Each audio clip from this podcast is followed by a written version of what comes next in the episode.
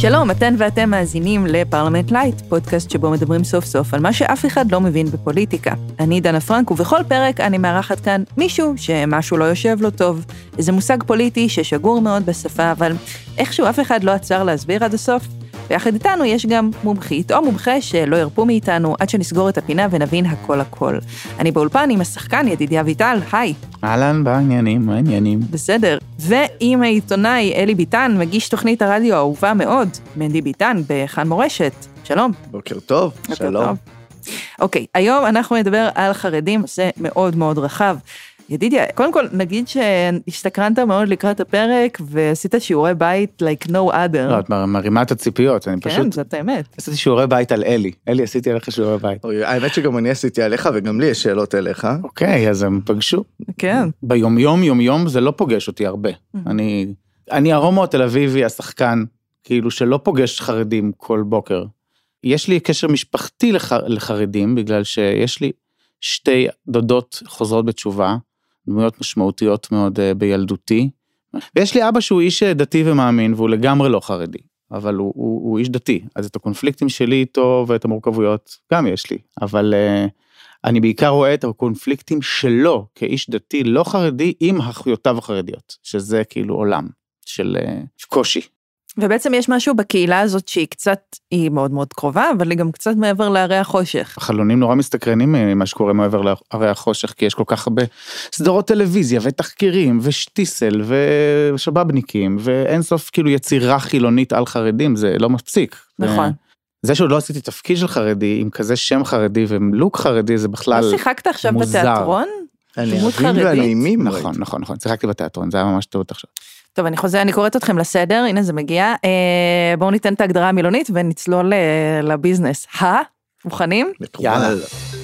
חרדיות, זרם ביהדות האורתודוקסית שמקפיד על אדיקות דתית ועל שמרנות תרבותית. הסיפור של החרדים מתחיל במאה ה-18. עד אז היהודים באירופה חיו במין אה, סוג של עזבו אותנו לענייננו. ילדים למדו אך ורק בחינוך דתי, והיה מין קהילות סגורות שהקפידו בהם על מצוות. מי שניהלו את הקהילה היו דיינים יהודים.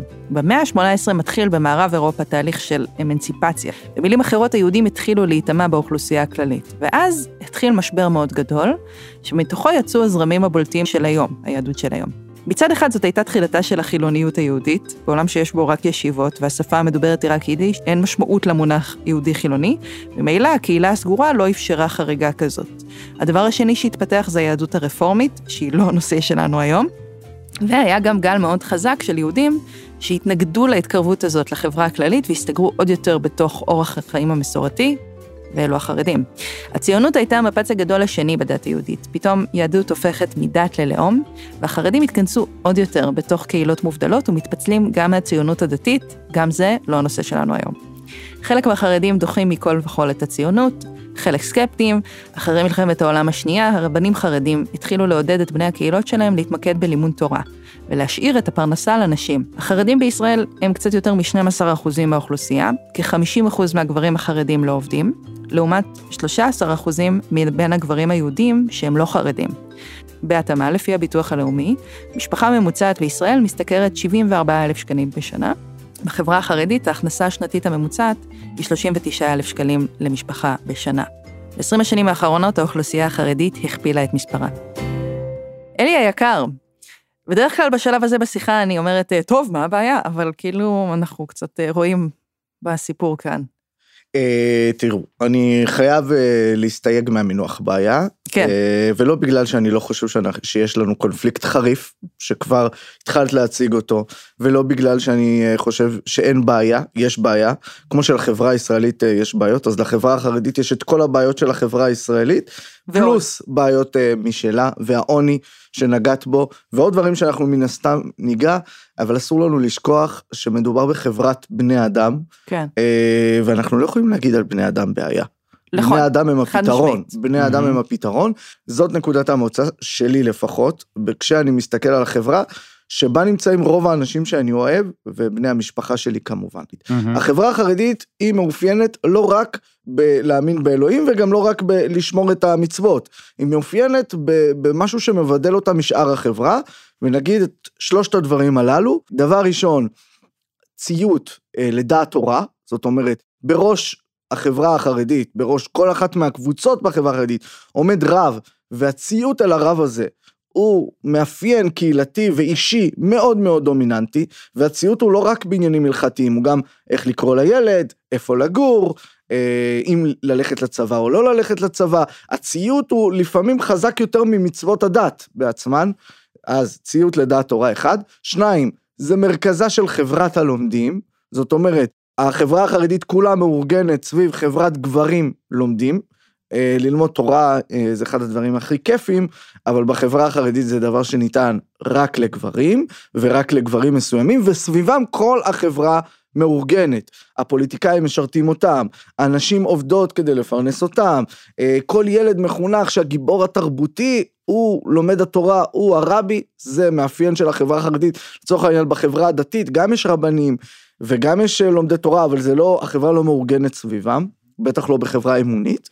והדבר השלישי, והוא הדומיננטי ביותר, הוא שמאז שנות החמישים, האלמנט המרכזי שסביבו מתארגנת כל החברה החרדית, זה חומת ההתבדלות. להתבדל ולהתרחק ולהסתייג ולא להכיר, להתבדל ממי?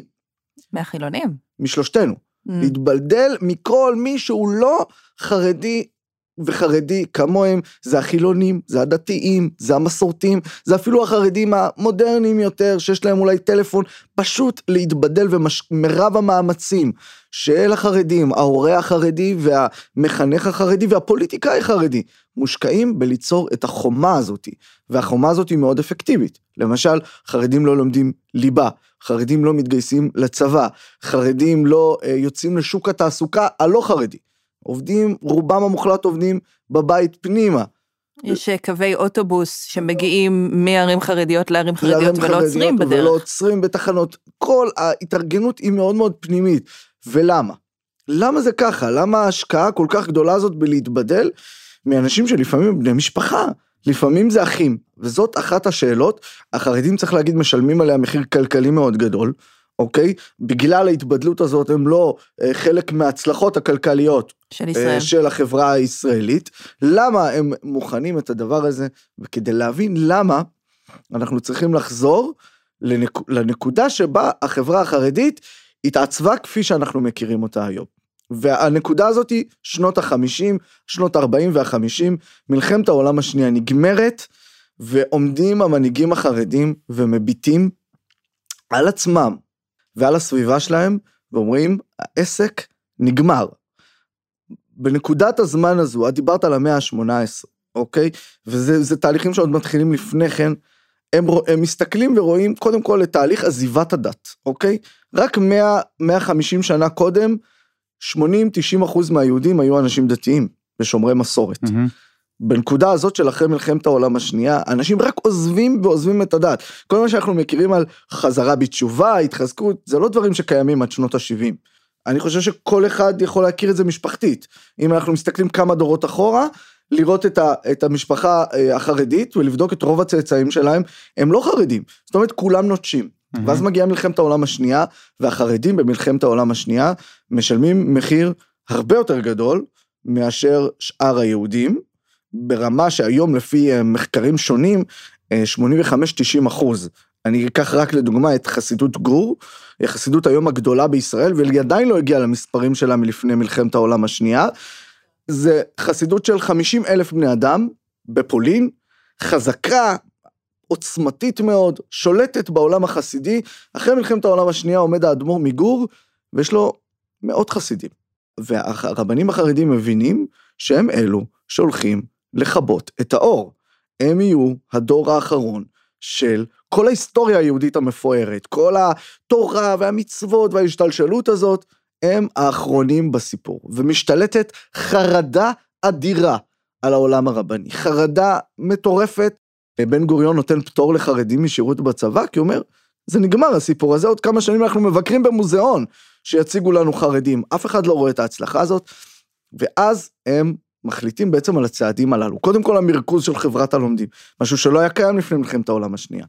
דבר שני, הדומיננטיות של דעת תורה והרבנים מתעצמת מאוד.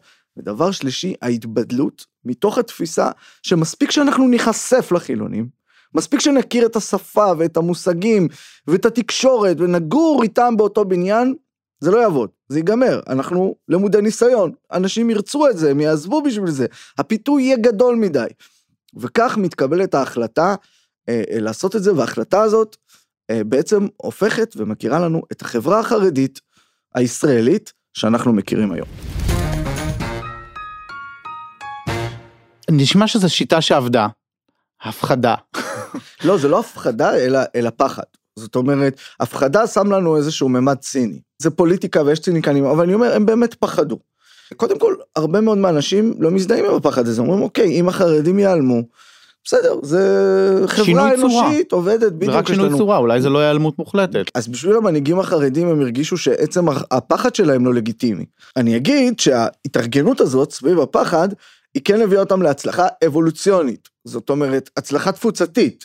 מקבוצה שמנתה כמה אלפים, עשרות אלפים במקרה הטוב, הם היום גדלים. מיליונים. מיליונים, והם יהיו אה, עוד יותר, ואני באופן אישי שמח, בהתחלה זה סיפור שהוא די אשכנזי, אומרת למזרחים יש את ההתנהלות שלהם מול החילונות והנאורות, ואז הם, חלק גדול מהמזרחים פשוט בוחרים בהצטרפות אה, לחברה החרדית, והם אה, מקימים את העמותות החינוך, והמפלגות שמוכרות לנו, לא היה את ש"ס בשנות החמישים וגם לא היה את דגל התורה, המפלגות היו משהו אחר וגם נהיה להם סדר יום אחר. בשנות החמישים חרדים לא התעסקו, אה, הפוליטיקאים החרדים לא התעסקו בלפתור חרדים מהצבא. הם התעסקו בשבת של המדינה המון, והתעסקו אה, בנישואים אזרחיים, וכל מיני סוגיות פוליטיות שקיימות עדיין היום. אבל הן כבר פחות בוערות. אבל הם, הם שרדו מהעבר, הם שרדו אלינו מדור ההורים שלנו, וגם החרדים וגם החילונים מבינים שצריך לפתור את זה איכשהו, אבל זו לא הדרמה. הדרמה היום היא לימודי ליבה ל- לילדים, הדרמה היום לפעמים באזורים מסוימים היא גיוס לצבא, והדרמה היום היא זכויות להט"ב, זכויות נשים ותחבורה ציבורית בשבת וסוגיות כאלה, שהם אלו אה, ש- שמלהיטות אה, את הקונפליקט החרדי-חילוני. ולכן אני רוצה... אה, או שהן דרמות, או שמלהיטות גם דרמה בתוך החברה החרדית. או, אז אני רוצה רגע להפריד אה, את כל הסוגיות אה, של דת ומדינה לחלוקה גסה מאוד, יש חלוקות אחרות, אבל אה, נראה אם תזרמו איתי לחלוקה הזאת, סוגיות ישראליות, או סוגיות הדת והמדינה של הלא חרדים, וסוגיות פנים חרדיות, למשל גיוס לצבא, זה סוגיה פנים חרדית, כן? החרדים לא מתנגדים שחילונים יתגייסו לצבא. להפך הם שמחים מאוד. וסוגיות חיצוניות, כמו למשל נישואים אזרחיים בישראל, כמו למשל תחבורה ציבורית בשבת, שזה אלו סוגיות שמתנהלות במרחב החילוני, אף חילוני לא רוצה להכריח חרדים לנסוע בתחבורה ציבורית בשבת, לא החילונים שאני מכיר, אני לא, לא. מכיר הרבה. אבל, אה, אבל, אבל כן, בתל אביב רוצים תחבורה ציבורית בשבת, והחרדים או אה, הדתיים הם בעצם בעצם המחסום בפני הדבר הזה. למה? כי זה אסור הלכתית. לא, בסדר, אבל זה כאילו, אתה יודע, אם אנחנו מדברים פה על, על הפרדה מאוד חזקה בין שתי, בין החברה החילונית לבין החברה החרדית, אז, אז זה, למה זה משנה? נכון, השאלה נכונה, ואני אפילו מסכים עם ההיגיון שלה. כן. כל פוליטיקאי חרדי, בטח הבכירים שבהם, אומר ומבין שהדבר הזה צריך להיפתר, אנחנו לא יכולים פיזית, הם אומרים לך למה הם לא פתרו את זה במהלך השנה שאנחנו לא היינו בקואליציה, זאת אומרת, בוודאי שזה לא סדר היום של החברה החרדית, סדר היום של החברה החרדית נוגע לדברים שאת התחל, לדבר שאת התחלת ממנו דנה, וזו סוגיית העוני. כי כשאנחנו מדברים על חרדים במובן מסוים שהופך להיות משמעותי יותר ויותר, אנחנו מדברים על עניים, על העניים הישראלים. יש לנו את העניים הערבים אזרחי ישראל, שזה עוני שלפעמים הוא דומה מאוד, אבל לפעמים הוא שונה, אבל יש לנו את העוני החרדי שבמקרים רבים הוא עוני מנבל ומנוול, בו"ב, יותר מהעוני של הערבים אזרחי ישראל. שאגב, לידע כללי, הם לפעמים מתחברים בדבר הזה, נכון? זאת אומרת, אני, יש גם מצביעים ערבים של ש"ס. יש מצביעים כאילו ערבים ש... של ש"ס. לא המצאתי, נכון? כן, כן, כן, יש מצביעים ערבים של ש"ס, ויש יש בריתות אד אה, הוק וגם בריתות אה, אה, ממושכות בין ערבים וחרדים. שאנחנו מדברים למשל על קצבאות ילדים, שאנחנו מדברים על תלושי מזון, שאנחנו מדברים על uh, מערכת רווחה מתפקדת, כן?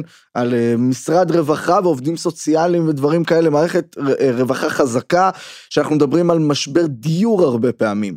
אצל החילונים זה בועת נדל"ן או משבר דיור, אצל החרדים זה מצוקת הדיור, אז באמת באמת יש שפה מאוד משותפת בין אה, חרדים וערבים, ורואים שיתופי פעולה פוליטיים כאלה. אבל עדיין, הקונפליקט הזה הוא קונפליקט שבין עניים ועשירים, ו- ו- וההצעה היא להסתכל על החברה החרדית כמו שמסתכלים על עניים. שאם אנחנו מדברים על העוני החרדי ועל הסיבות לעוני החרדי, הסיבה החשובה, המשמעותית ביותר היא בכלל ילודה, משהו שקשה לנו מאוד אה, כחברה להתעסק. כן. ילודה זה הסיבה המרכזית לעוני, זאת אומרת גם אם רוב החרדים העניים צריך להגיד הם עובדים לפרנסתם. אבל ילודה, ידעו שגם שני הורים שעובדים במשכורת של עשרת אלפים שקל בחודש, אם יש להם עשרה ילדים, זה זה משחק אחר. כן. אני בכור ל-11 אחים ואחיות. שני ההורים שלי עובדים כל החיים שלי. זה משחק אחר לגמרי כשיש עשרה ושתים עשרה ילדים והחינוך הוא פרטי צריך לשלם על החינוך והכל אה, אה, מאוד אה, מתייקר יוקר המחיה הוא גם בבני ברק אז ילודה זה דבר ראשון. הדבר השני זה בעצם העבודה אבל העבודה היא השכלה כן כי הנשים החרדיות עובדות באחוזים כמו ה, כמו הנשים הלא חרדיות וגברים חרדים יותר מ-50 אחוז עובדים אבל השאלה במה עובדים. נכון. ועובדים במקצועות פחות טובים, פחות טובים, פחות מתגמלים, בגלל ההשכלה. בגלל שאתה מוצא את עצמך בגיל 25 או 30, חושב על יציאה, גבר, חושב על יציאה לשוק התעסוקה, שאין לך אנגלית ואין לך אה, מתמטיקה. אה, מתמטיקה ודברים אתה אחרים. יודע, אלי, בחודש שעבר אה, הניו יורק טיימס פרסמו תחקיר מטורף, ענק. זה שהם גילו שיש בתי ספר אה, חרדים שלא מלמד, במדינת ניו יורק, שלא מלמדים לימודי ליבה. וסערה ענקית. עכשיו, אתה קורא את זה, וזה זה קצת עצוב. כאילו, איך האמריקאים מזדעזעים מלגלות את הדבר הזה מתחת דבר לאף. שאנחנו רגילים אליו. כן, כאילו, לנו בתוך זה הדמוקרטיה נראה הישראלית, כל בתוך כך המציאות הישראלית, רגיל, אנחנו obvious. יודעים שחרדים לא לומדים לימודי ליבה, אנחנו כאילו, ואני אני, אני גם לא מתקומם על זה. לא, מה שאני שומע ממך אלי זה שיש איזושהי, אני לא יודע אם התקוממות, אבל אי נוחות או תסכול של, של הגבר החרדי הזה שרוצה פתאום. זאת אומרת, אני שואל בעצם, האם זה איזשהו צורך שמתחיל להתעורר עכשיו בתוך החברה החרדית? אז, אז אני אגיד על זה, כי זה לדעתי הדבר הכי אה, אופטימי שאפשר לדבר עליו. הצעירים החרדים, שקמים ואומרים, אנחנו לא אה, מסכימים לדיל הזה, אנחנו נדפקים פה. כי יש פה דיל שצריך להגיד, הוא דיל חרדי חילוני, זאת אומרת, מאז שנות ה-70 חרדים נכנסים לקואליציה, בשביל כל מיני אינטרסים של מי שמכניס אותם לקואליציה. אי אפשר בלי, לא? תתקנו אותי, אני מה? כאילו, אני אני לא מומחה בפאנל, אבל אפשר לעשות קואליציה בלי חרדים? כמעט אף פעם אי אפשר. אפשר, אבל לא נראה שאנשים רוצים, זאת אומרת, גם משמאל וגם מימין, הרצון הוא לרוב, למעט איזה אפיזודות קטנות, הרצון הוא לשבת עם החרדים. אה, זה מקנה איזושהי גם תחושה של אה, ממשלה רחבה, יציבה. מהמם. בגין הראשון שעשה את זה ב-70, הם היו בממשלה הראשונה של בן גוריון, אבל מאז היו באופוזיציה מלא מלא שנים. 77, כן. בגין מכניס את החרדים לקואליציה, ומתחיל הדיל החרדי החילוני. קחו כסף ובתמורה תצביעו כמו שאנחנו רוצים. מהמם. על כל הסוגיות המדיניות והכלכליות החשובות של ישראל. ואת הדיל הזה אה, אה, ממשיכות ממשלות האחדות, שמאל וימין, מהמם. נותנים את הכסף ורק העיקר תצביעו לנו וממשיך רבין וממשיך אה, נתניהו שנכנס למגרש וממשיך אהוד ברק וממשיך שרון שכן זורק אותם איזה שנה לקואליציה וזה וממשיך אולמרט ונתניהו ועכשיו גם גנץ ולפיד כולם ממשיכים את הדיל הזה. קחו את הכסף כמה שאתם רוצים ותצביעו. פעם תצביעו נגד פעם תצביעו בעד והחרדים אומרים יש לנו אולי דעות בעניינים מדיניים ויש לנו אולי? דעות נשים אותם בצד כי אנחנו צריכים את הכסף הזה. והדיל הזה יש בו מרוויח החילוני או הלא חרדי שהוא מרוויח כי הוא מקבל את מה שהוא רוצה לא משנה אם זה תמיכה באוסלו ולא משנה אם זה תמיכה במפעל ההתנחלויות מהמם. ויש פה מפסיד והמפסיד הוא הילד החרדי. המפסיד הוא הילד החרדי. שהמדינה באה ואומרת אנחנו נמכור את העתיד שלך, שלי, אני מדבר על עצמי, נמכור את העתיד שלך, נמכור את היכולת שלך להסתדר בחיים, להיות חלק מ- מהחברה, בזה שאתה לא לומד לימודי ליבה בזה לצורך שאתה לא העניין? מקבל כלום, אתה, אתה לא מקבל ואני רוצה להגיד בראש ובראשונה, ופה אנחנו מדברים שעוני הוא, הוא הפרה של זכויות אדם, הזכות לחינוך. יאיר לפיד לעולם לא היה מוכן ונתניהו לעולם לא היו מוכנים לתת לילד שלהם את החינוך שהם נותנים לילד החרדי. אבל זה כל כך מבלבל אלי, כי מי שמוכרים אותו, אני בחוויה שלי, זה גם ההורים שלו וזה הרבנים שלו.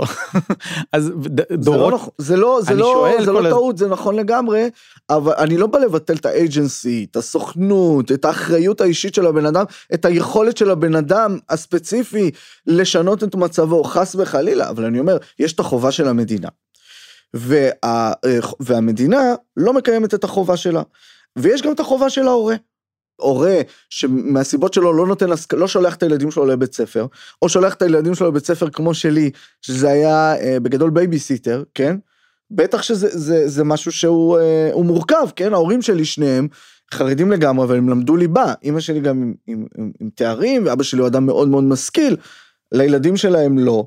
ו, וזה גם שאלה, ונכון שזה גם מגיע דרישה, אבל כשזו דרישה של המדינה, ושזו חובה של המדינה. עכשיו יש לכאן, יש עוד דברים שהמדינה אה, לא עומדת בהם, הביטחון האישי, אוקיי? אנחנו מדברים על, בגלל שזו חברה ענייה, ומעוד סיבות, כל מיני פשע שצומח, כמו פדופיליה, וכמו uh, תקיפות מיניות, שזה צומח באחוזים מאוד מאוד גדולים, ו, ו, ורשויות החוק מעדיפות לסגור עם העסקן, בדיוק כמו שהיה פוליטיקה, לסגור עם העסקן, לבוא לסוכה שלו בחג סוכות, uh, ללחוץ לו את היד, ו, ו, והאימא החרדית שעומדת ממול ואומרת העסקן הזה הוא... הוא, הוא הבעייתי, השוטר mm-hmm. מן הסתם פחות, יש פה הפקרה כוללת והיא מוכרת לנו גם מה, אה, אה, מערבים אזרחי ישראל, צריך להסתכל על זה ככה. אבל, ועכשיו אני קצת אה, אופטימי. כן. אפשר? באמת, אם, אם, אם ייכנסו של דור ה-Y החרדי, אוקיי? ואני אשתמש פה במושג חילוני, כי דור ה-Y זה מושג מאוד חילוני, אנחנו סוגרים את דור ה-Y, נכון? כן. דור ה-Y החרדי הם כבר סבים הם כבר סבים לנכדים, צריך להבין את זה, אנחנו מדברים על דור הוואי החרדי, אנחנו מדברים על סב, כן, כן. סבא וסבתא, אנחנו לא, אנחנו לא מדברים על אנשים מתמודדים עם הורות. אתה אומר דור הוואי, אנשים חושבים אה, לנה דנאם, אה, אה, חסיק כן. דור שגדל על האינטרנט, מחליפים מקצוע, לא סגורים לעצמם. בדיוק, ומה הם מאופיינים כדור וואי? אז אני אגיד שנים, בשנים. אוקיי. אני אומר, זה אותם אנשים שבתחילת שנות האלפיים, בעצם מתחילים לקחת את ההנהגה. מה זה אומר לקחת ההנהגה? רבנים, כמו שאנחנו יודעים, רבנים חרדים, הם אנשים מאוד מאוד מאוד מבוגרים. תן, תן את המספרים. המנהיג הנוכחי של החברה החרדית הוא בן 100, אה, אבל הוא נכנס לתפקידו בגיל 99. צעיר, ינוקה. ינוקה, זאת אומרת, 99 שנים הוא עושה עבודה אה, כדי להיכנס לתפקיד, ועכשיו הוא נכנס ויש לו את השנתיים האלה. הקודם היה בן 96, יש לו שנתיים למלמל אה, משהו כן. שמישהו אחר. אז, אז זהו, זהו שלא, דווקא, דווקא האנשים האלה הם באמת מחכים לתפקיד והם באמת מממשים איזשהו משהו ומערכות הרפואה המתקדמות ממש משרתות את, ה, את צורת ההנהגה, אבל החברה החרדית היא חברת ילדים. הגיל החציוני הישראלי הוא 34, הגיל החציוני החרדי הוא 16. וואו. 70 אחוז מהחברה החרדית פחות מגיל 22. רגע, בוא נתעכב על זה. כן. מה זה אומר? תתרגמו לי רגע. אה, הנה, הנה, הנה אני אומר, יותר מ-70% מהחברה החרדית, הם ילדים בני 16? פחות מגיל 22. אתה מדבר על בעצם גן ילדים גדול, כן. שהגננות אה, בנות 100.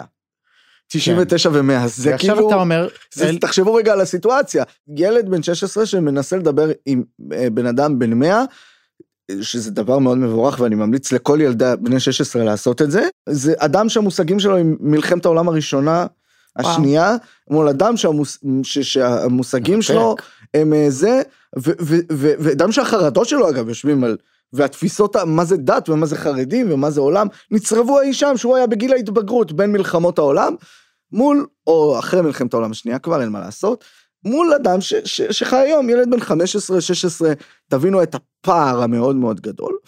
אפילו הפוליטיקאים, אפילו גפני ודרעי, הם לא אנשים צעירים. לא, אה, אז איפה כולם? אז איפה האמצע?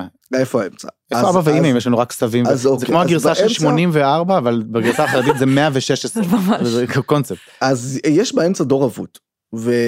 והדור האבוד הזה באמצע, בו מתרחש המון המון עניין. ועליו אני רוצ, אני קורא לו דור הוואי כי, אה, כי אצל חילונים הדור הוואי הוא, הוא מעורר המון המון רגשות, אוקיי?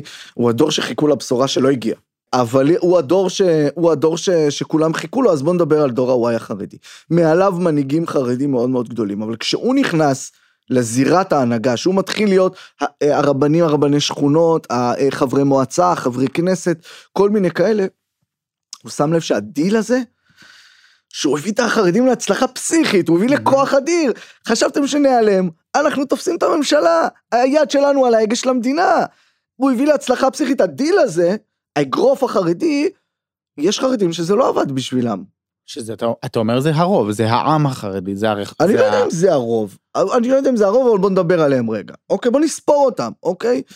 הנשים החרדיות, אלו שצריכות לעבוד, גם ללדת הרבה ילדים, הן גם נעדרות מכל מוקדי קבלת ההחלטות, אין אפילו חברת מועצה חרדית, ואם יש אישה חרדית בכנסת היא תהיה במפלגה חילונית, אין, אין נשים חרדיות, הם אפילו הסמינר, איפה שהן לומדות נשלט, נשלט בידי גברים, הם לא חלק מהדיל הזה. המזרחים החרדים, שליש מהחרדים שחווים אפליה אה, במוסדות חינוך שוב פעם ושוב פעם. עניים החרדים שרוצים לצאת לשוק התעסוקה מוצאים את עצמם בעוני ופתאום הם חסרי הזדמנויות. החוזרים בתשובה, הם היו אמורים להיות חוד החנית של החברה החרדית, הם הגאווה, אוקיי? והם חווים נכון. את האפליה. ועוד ועוד קולות בתוך החברה החרדית, שאומרים האגרוף הזה, צריך לפתוח אותו רגע, ולשאול רגע על הדיל הזה. אוקיי, אנחנו אוהבים את הרבנים, אנחנו אוהבים את ההורים שלנו, אנחנו מאמינים, אנחנו לא יוצאים בשאלה, יש גם יוצאים בשאלה. אנחנו אוהבים את הדבר הזה, אבל האם הוא משרת אותנו? האם זה עובד לטובתנו? ופה קמים עשרות אלפי חרדים שבוחרים בדרך אחרת. חלקם הולכים לאקדמיה, שנאסרת על ידי הרבנים. חלקם אה, פתאום נמצאים ברשתות החברתיות, ואינטרנט, זה הדבר הכי חמור החרדי. חלקם יוצאים לשוק התעסוקה הלא חרדי. עוברים להייטק, מגיעים למקומות אחרים, חלקם עוברים מהריכוזים החרדיים הגדולים, פשוט עוברים לגור בתל אביב, עוברים למקומות אחרים. המרד הזה אה, מתבטא בהמון דרכים, יש גם אקטיביסטים. יש בתוך העשרות האלפים האלה יש אלפי בני אדם שבאים ומקימים ישיבות תיכוניות עם ליבה, שמקימים אה, את הממלכתי חרדי, זרם אה, ממלכתי חרדי, יש פמיניסטיות חרדיות, אחד הדבר, אחד מהדברים המרגשים ביותר, ארגונים פמיניסטים חרדים שבאים ונלחמים, ואתם יודעים מה יש ארגונים להט"בים חרדים. יש להט"בים חרדים, ואנחנו מכירים את הארגונים הלהט"בים הדתיים, נכון. אם זה חברותה, אם ו- זה בת קול, כן. אם זה ה- ה- ה- הקבוצות הדתיות באיגי, אבל בשנים האחרונות יש גם להט"בים חרדים, שזה, אתה יודע, זה קצת מפוצץ את המוח. בן אדם שהוא אומר, אני חרדי ואני אשאר חרדי, אני לא עוזב את זה, ועדיין אני אה, מביא את, ה- את הזהות שלי לתוך זה. הדברים האלה קורים, הם קורים כמובן, תמיד, הם, הם תרבות אוונגרד, הם תמיד יגידו, הוא לא חרדי בכלל, הוא שוליים, אבל הדבר הזה קורה, הוא מתרחש, בצד השני מתרחשת הקצנה אגב. הדור הזה יש בו גם אנשים שהם הרבה יותר פונדמנטליסטים מהמרכז החרדי. התסיסה החברתית קורית, והשאלה שאני זורק אליכם בחזרה, איפה החילונים מול התסיסה הזאת? וואו, איזה החלפת מבט קשה. ידידיה. לא, כי החילוני עכשיו שיושב פה, אני מבולבל מאוד מאוד. אה, כן? למה, איפה זה פוגש אותך? אני אגיד משהו כללי, בעין החילונית, חרדים זה גוש אחד גדול ושחור, שבחוויה אולי, וזה אולי גם כאילו דבר שעובר מדור לדור, הוא שולל אותי. זאת אומרת, אותך כלהט"ב או אומר, כחילוני? האמת התכוונתי אותי כחילוני, אני כהומוסקסואל, אני מרגיש אה, עוד יותר שלילה. וואלה. זאת אומרת, הדודה החרדית שלי, כשחצאתי מהארון, דאגה להגיד לאבא שלי, שסבא שלי שאהבתי אהבת נפש, סוקלים אותו בגיהנום עכשיו באבנים בגללי. לא פחות. כן, עכשיו, בסדר, זאת סתם אמירה, אבל כשהיא באה מהדודה שחיבקה אותך כל ילדותך, זה, זה, זה, זה כאב נורא גדול. ובעצם זה שמושקעת כל כך הרבה אנרגיה בהיבדלות ממני, אז אני לא יכול שלא כאילו להכליל, לצבוע את הכל בקו שחור אח- אחיד.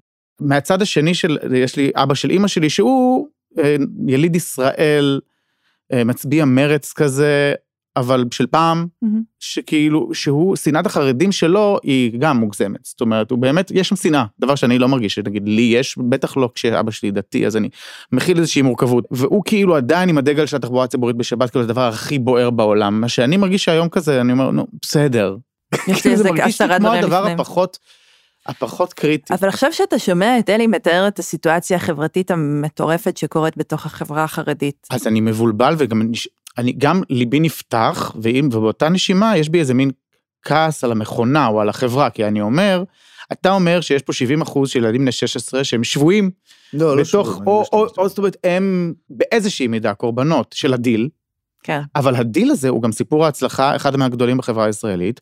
זאת אומרת אני לא מכיר שום קהילה שהיא כל כך מצליחה פוליטית. זאת אומרת היא תמיד תהיה מעורבת פוליטית בגלל שהיא לא מעורבת אידיאולוגית בכלל אלא רק קהילתית. כי אני חושב אני מדמיין אם קהילת הלהט"ב הייתה מצליחה לה, להקים מפלגה. אני לוקחת את הניסוי המחשבתי שלך לכיוון אחר, אבל לצורך העניין, מפלגת הגמלאים, זה לא הפך להיות החרדים. אין, נכון. אין שום דבר שקרוב זה לדבר הזה, ניסיון כי יש דומה ולא אמונה. מצליח. כן. אה, אני לא יודע אם זה אמונה, אבל אני, אני חייב להגיד משהו. בוא רגע ניתן לבלבול הזה אה, לנוח, כי, כי אתה אומר בלבול, אבל אני חי את הבלבול הזה כל יום. מהמם. ויש פה רגשות של אהבה ורגשות של כעס ורגשות, גם באופן אישי, אבל גם באופן פוליטי. שאנחנו חשים מול החברה, ואני רוצה להגיד, אנחנו, הצבעים, כשאנחנו מדברים מול החברה החרדית, הצבעים הם עזים. אבל גם אם אנחנו לוקחים את החברה הישראלית ומפרקים אותה, אנחנו גם יכולים לחוש את אותם רגשות, ואני לא מכיר עוד חברות אנושיות, אבל אם יש, אז אני בטוח שזה גם בהם. וכן, אני חלילה לא אומר בחיים. אה, לסגת, זאת אומרת בחיים לא לוותר על, על, על, על זכות האישה האחרונה שבאחרונות, או הזכות, או המאבק הלהט"בי, או, או אפילו מאבק לתחבורה ציבורית בשבת, כדי אה, אה, לייצר סדר יום אחר בין חרדים וחילונים, אסור אה, לוותר, וגם אין לנו את הזכות בכלל לוותר, מי אנחנו שנוותר. וכן, ונזכור שמאבק פוליטי הוא גם אה, מאבק להשגת ניצחונות, אוקיי, בפועל, אבל הוא גם מאבק על התודעה, זאת אומרת, זה גם מאבק על איך אנשים מספרים את הסיפור. ואוקיי, יש לנו דור של ההורים שלנו, גם חילוני וגם חרדי, שסיפר סיפור מאוד מסוים, עם טובים ורעים מאוד מסוימים, ואנחנו רוצים לפרק את זה, ולספר סיפורים טובים ורעים חדשים. זה באמת מאוד אופטימי. ולדמיין דמיון פוליטי. עכשיו שוב, זה פוליטי יום אחד, ויום אחד זה נורא נורא מדכא. ויום אחד זה, יום אחד זה דאון. ואני לא רוצה להגיד משהו החלטי על הבלבול, כן? לא, הם ככה, הם טובים, הם רעים, הם, הם בני אדם. ומורכבים מכל לי. הדברים, והתסיסה הזאת היא יומיומית. אנחנו אסור לנו לפספס אותה, ולהגיד, אוקיי, בואו ניקח את הסיפור שההורים שלנו סיפרו לנו, יש טובים והם הליברלים, יש רעים והם הלא ליברלים, ואנחנו צריכים מלחמת אור בבני חושך, קודם כל כי הליברלים, עוד- ההורים שלנו הפסידו בה, ההורים, ההורים הליברלים הפסידו במלחמה הזאת. לא, הם הפסידו, אבל גם נשאלת השאלה, איך אנחנו יכולים להיות בני ברית, כשבלי להיות באיזו התנסות ליברלית. מה הגשר שעליו אפשר בכלל להיפגש? כי הבדלנות לא מאפשרת מפגש איתי, אז בכלל איך אני יכול להשתתף במאבק? לי יש תשובה, אבל היא תשובה שקשורה לדעות הפוליטיות שלי. בבקשה. א', על ההתנשאות.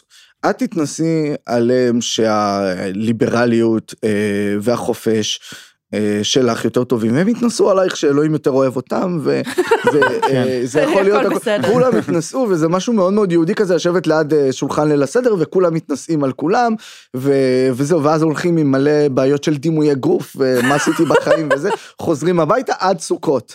זה אה, התהליך הזה. אבל אני אומר, מה, משת... מה משותף? מה באמת משותף לחרדים וחילונים ומה יכול להיות? לא ערבי בוא נפטפט ביחד, ולא רק מסיבות שבהם נרקוד ביחד, למרות שזה גם חשוב, אלא מאבק משותף. אוקיי? המאבק בעוני הוא מאבק שמשותף לעניים חרדים, ערבים וחילונים, וכל העניים לא מקבלים את העוני שלהם. אנחנו צריכים לראות איך הם מוחים, מה הדרך שלהם למחות, מה הדרך שלהם לא לקבל. המאבק אה, בהומופוביה הוא משותף. כשיש אה, גיי חרדי וגיי לא חרדי זה מאבק משותף. המאבק שלהם משותף, אבל כאילו העולם החרדי שממנו הוא בא לא נאבק איתו את המאבק הזה. בסדר גמור, אבל מה זה העולם החרדי? אנחנו מפרקים את זה מחדש. אני אומר, הדבר שסביבו אנחנו יכולים לייצר שיתוף פעולה, הוא המאבק, ומאבק יכול להיות אד הוק, זאת אומרת עכשיו יש את אה, שביתת נהגי האוטובוסים שמאוגדים בכוח לעובדים.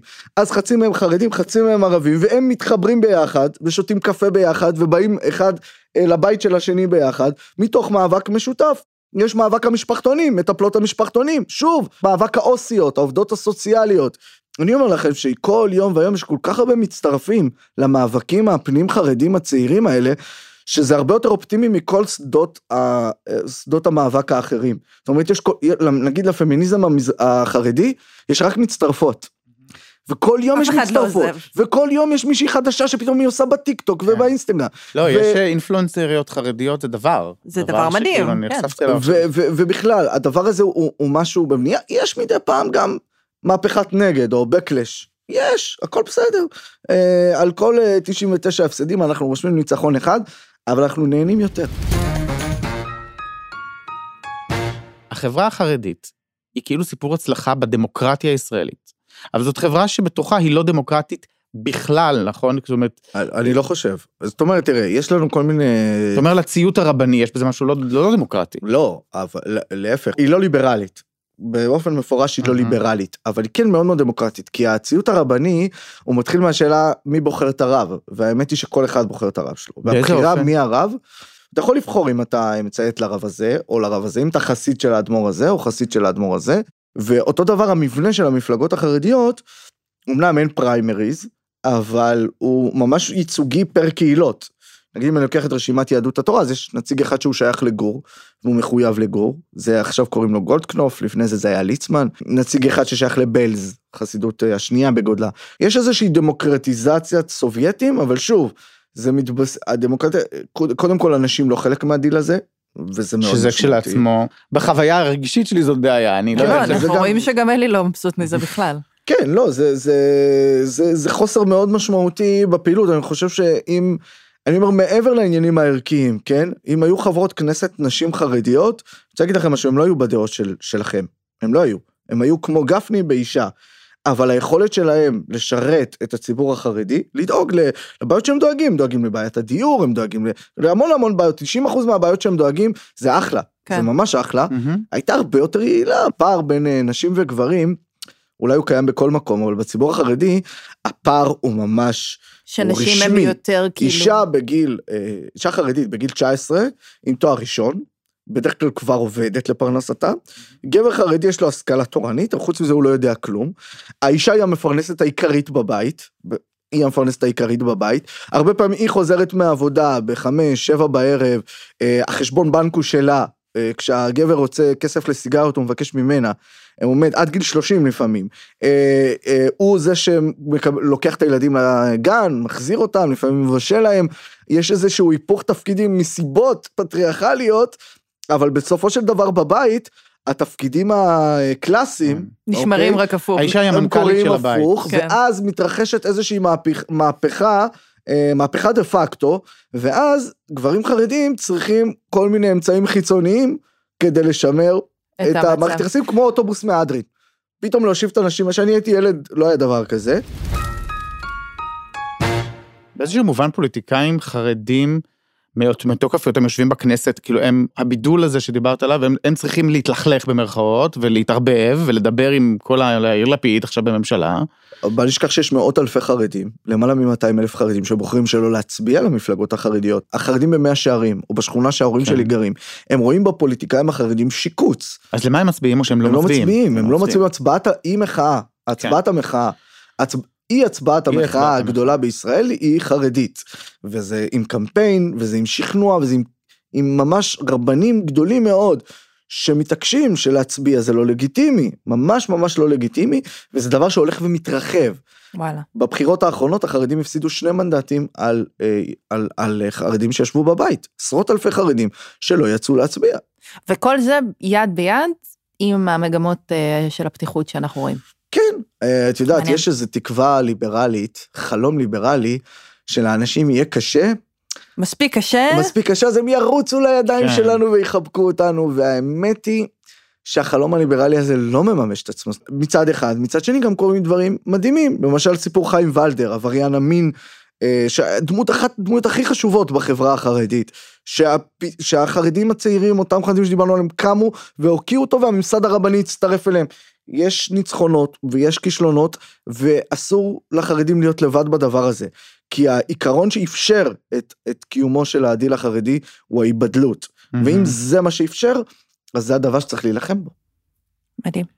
אתה בעצם אומר לנו חילונים כאילו, למרות, זה נראה לכם שהם רוצים להתבדל מכם, ובכל זאת לחפש אשנב, לחפש צוהר, וכאילו בכל זאת לנסות ליצור קשר עם מי שאפשר. כאילו עם מי שאפשר. כן, אני עושה דקונסטרוקציה למושג ההיבדלות החרדית, הוא אומר, בעצם בעצם זה שאיפה, הוא בעצם מתבדל, אבל הוא רוצה, הוא רוצה אותך, הוא רוצה את החיבוק שלך.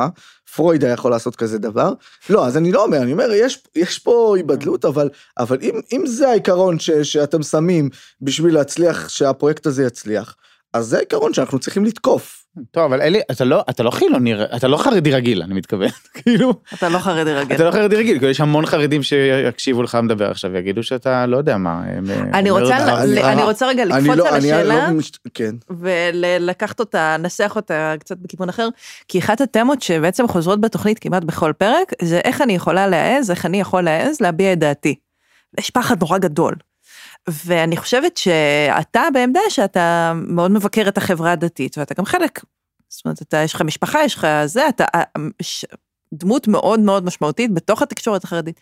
אין עם זה איזה מטען של חשש? אני חייב להגיד קודם כל ברמה האישית אני אה, אני לא יודע, אני מגיל מאוד צעיר אני מרגיש זר בכל, בכל מעגל שאני מסתובב. מצד אחד אני מאוד אוהב אה, את החברים שלי ואת האנשים, אבל נגיד מזרחי ולמדתי בישיבה אשכנזית זה היה זר. אה, למדתי אפילו בש"ס, וזה הרגשתי שהם ש"סניקים ואנחנו לא, כאילו המשפחה שלי. גם עכשיו אני לא אומר אני חרדי וזה כאילו אני מרגיש לא, אני גם לא עומד בסטנדרטים לא של החברה ולא של הדת, לא. אבל ברור שאני מרגיש זהות מאוד מאוד חזקה, וזה מאוד נגיד התחזק בקורונה שכולם תקפו את החרדים, פשוט, פשוט ממש הרגשתי, אני זוכר שהייתי הולך עם כיפה שחורה כזאת של חרדים, כל מיני מרחבים כאלה שממש אני רוצה שאני רוצה לקבל מהשנאה הזאת, כאילו אני רוצה עם הדבר הזה. לקחת חלק, כאילו. עכשיו, היא הרבה יותר אגב אה, מפחד מהסנקציות ה... לא חרדיות עליי כשאני מגן על חרדים וזה דבר שאני יותר אה, רגיש אליו זאת אומרת בשביל החרדים בטח החברים החרדים והעולם המקצועי שלי יודעים שאני הילד הבעייתי. ומדי פעם יש מישהו שנורא כועס אבל הרוב אומרים הוא, הוא, הוא השבאבניק הזה הוא הבעייתי הזה mm-hmm. לפחות שמדי פעם ככה ייקח לולב עם הדס מדי פעם יעשה איזה מצווה זה זה כאילו בסדר אבל דווקא החברים לא חרדים אומרים רגע איך אתה יכול להסביר את המורכבות של כל מיני דברים. עכשיו שוב, אני אומר, יש נושאים שאין לי, לי בהם בכלל מורכבות.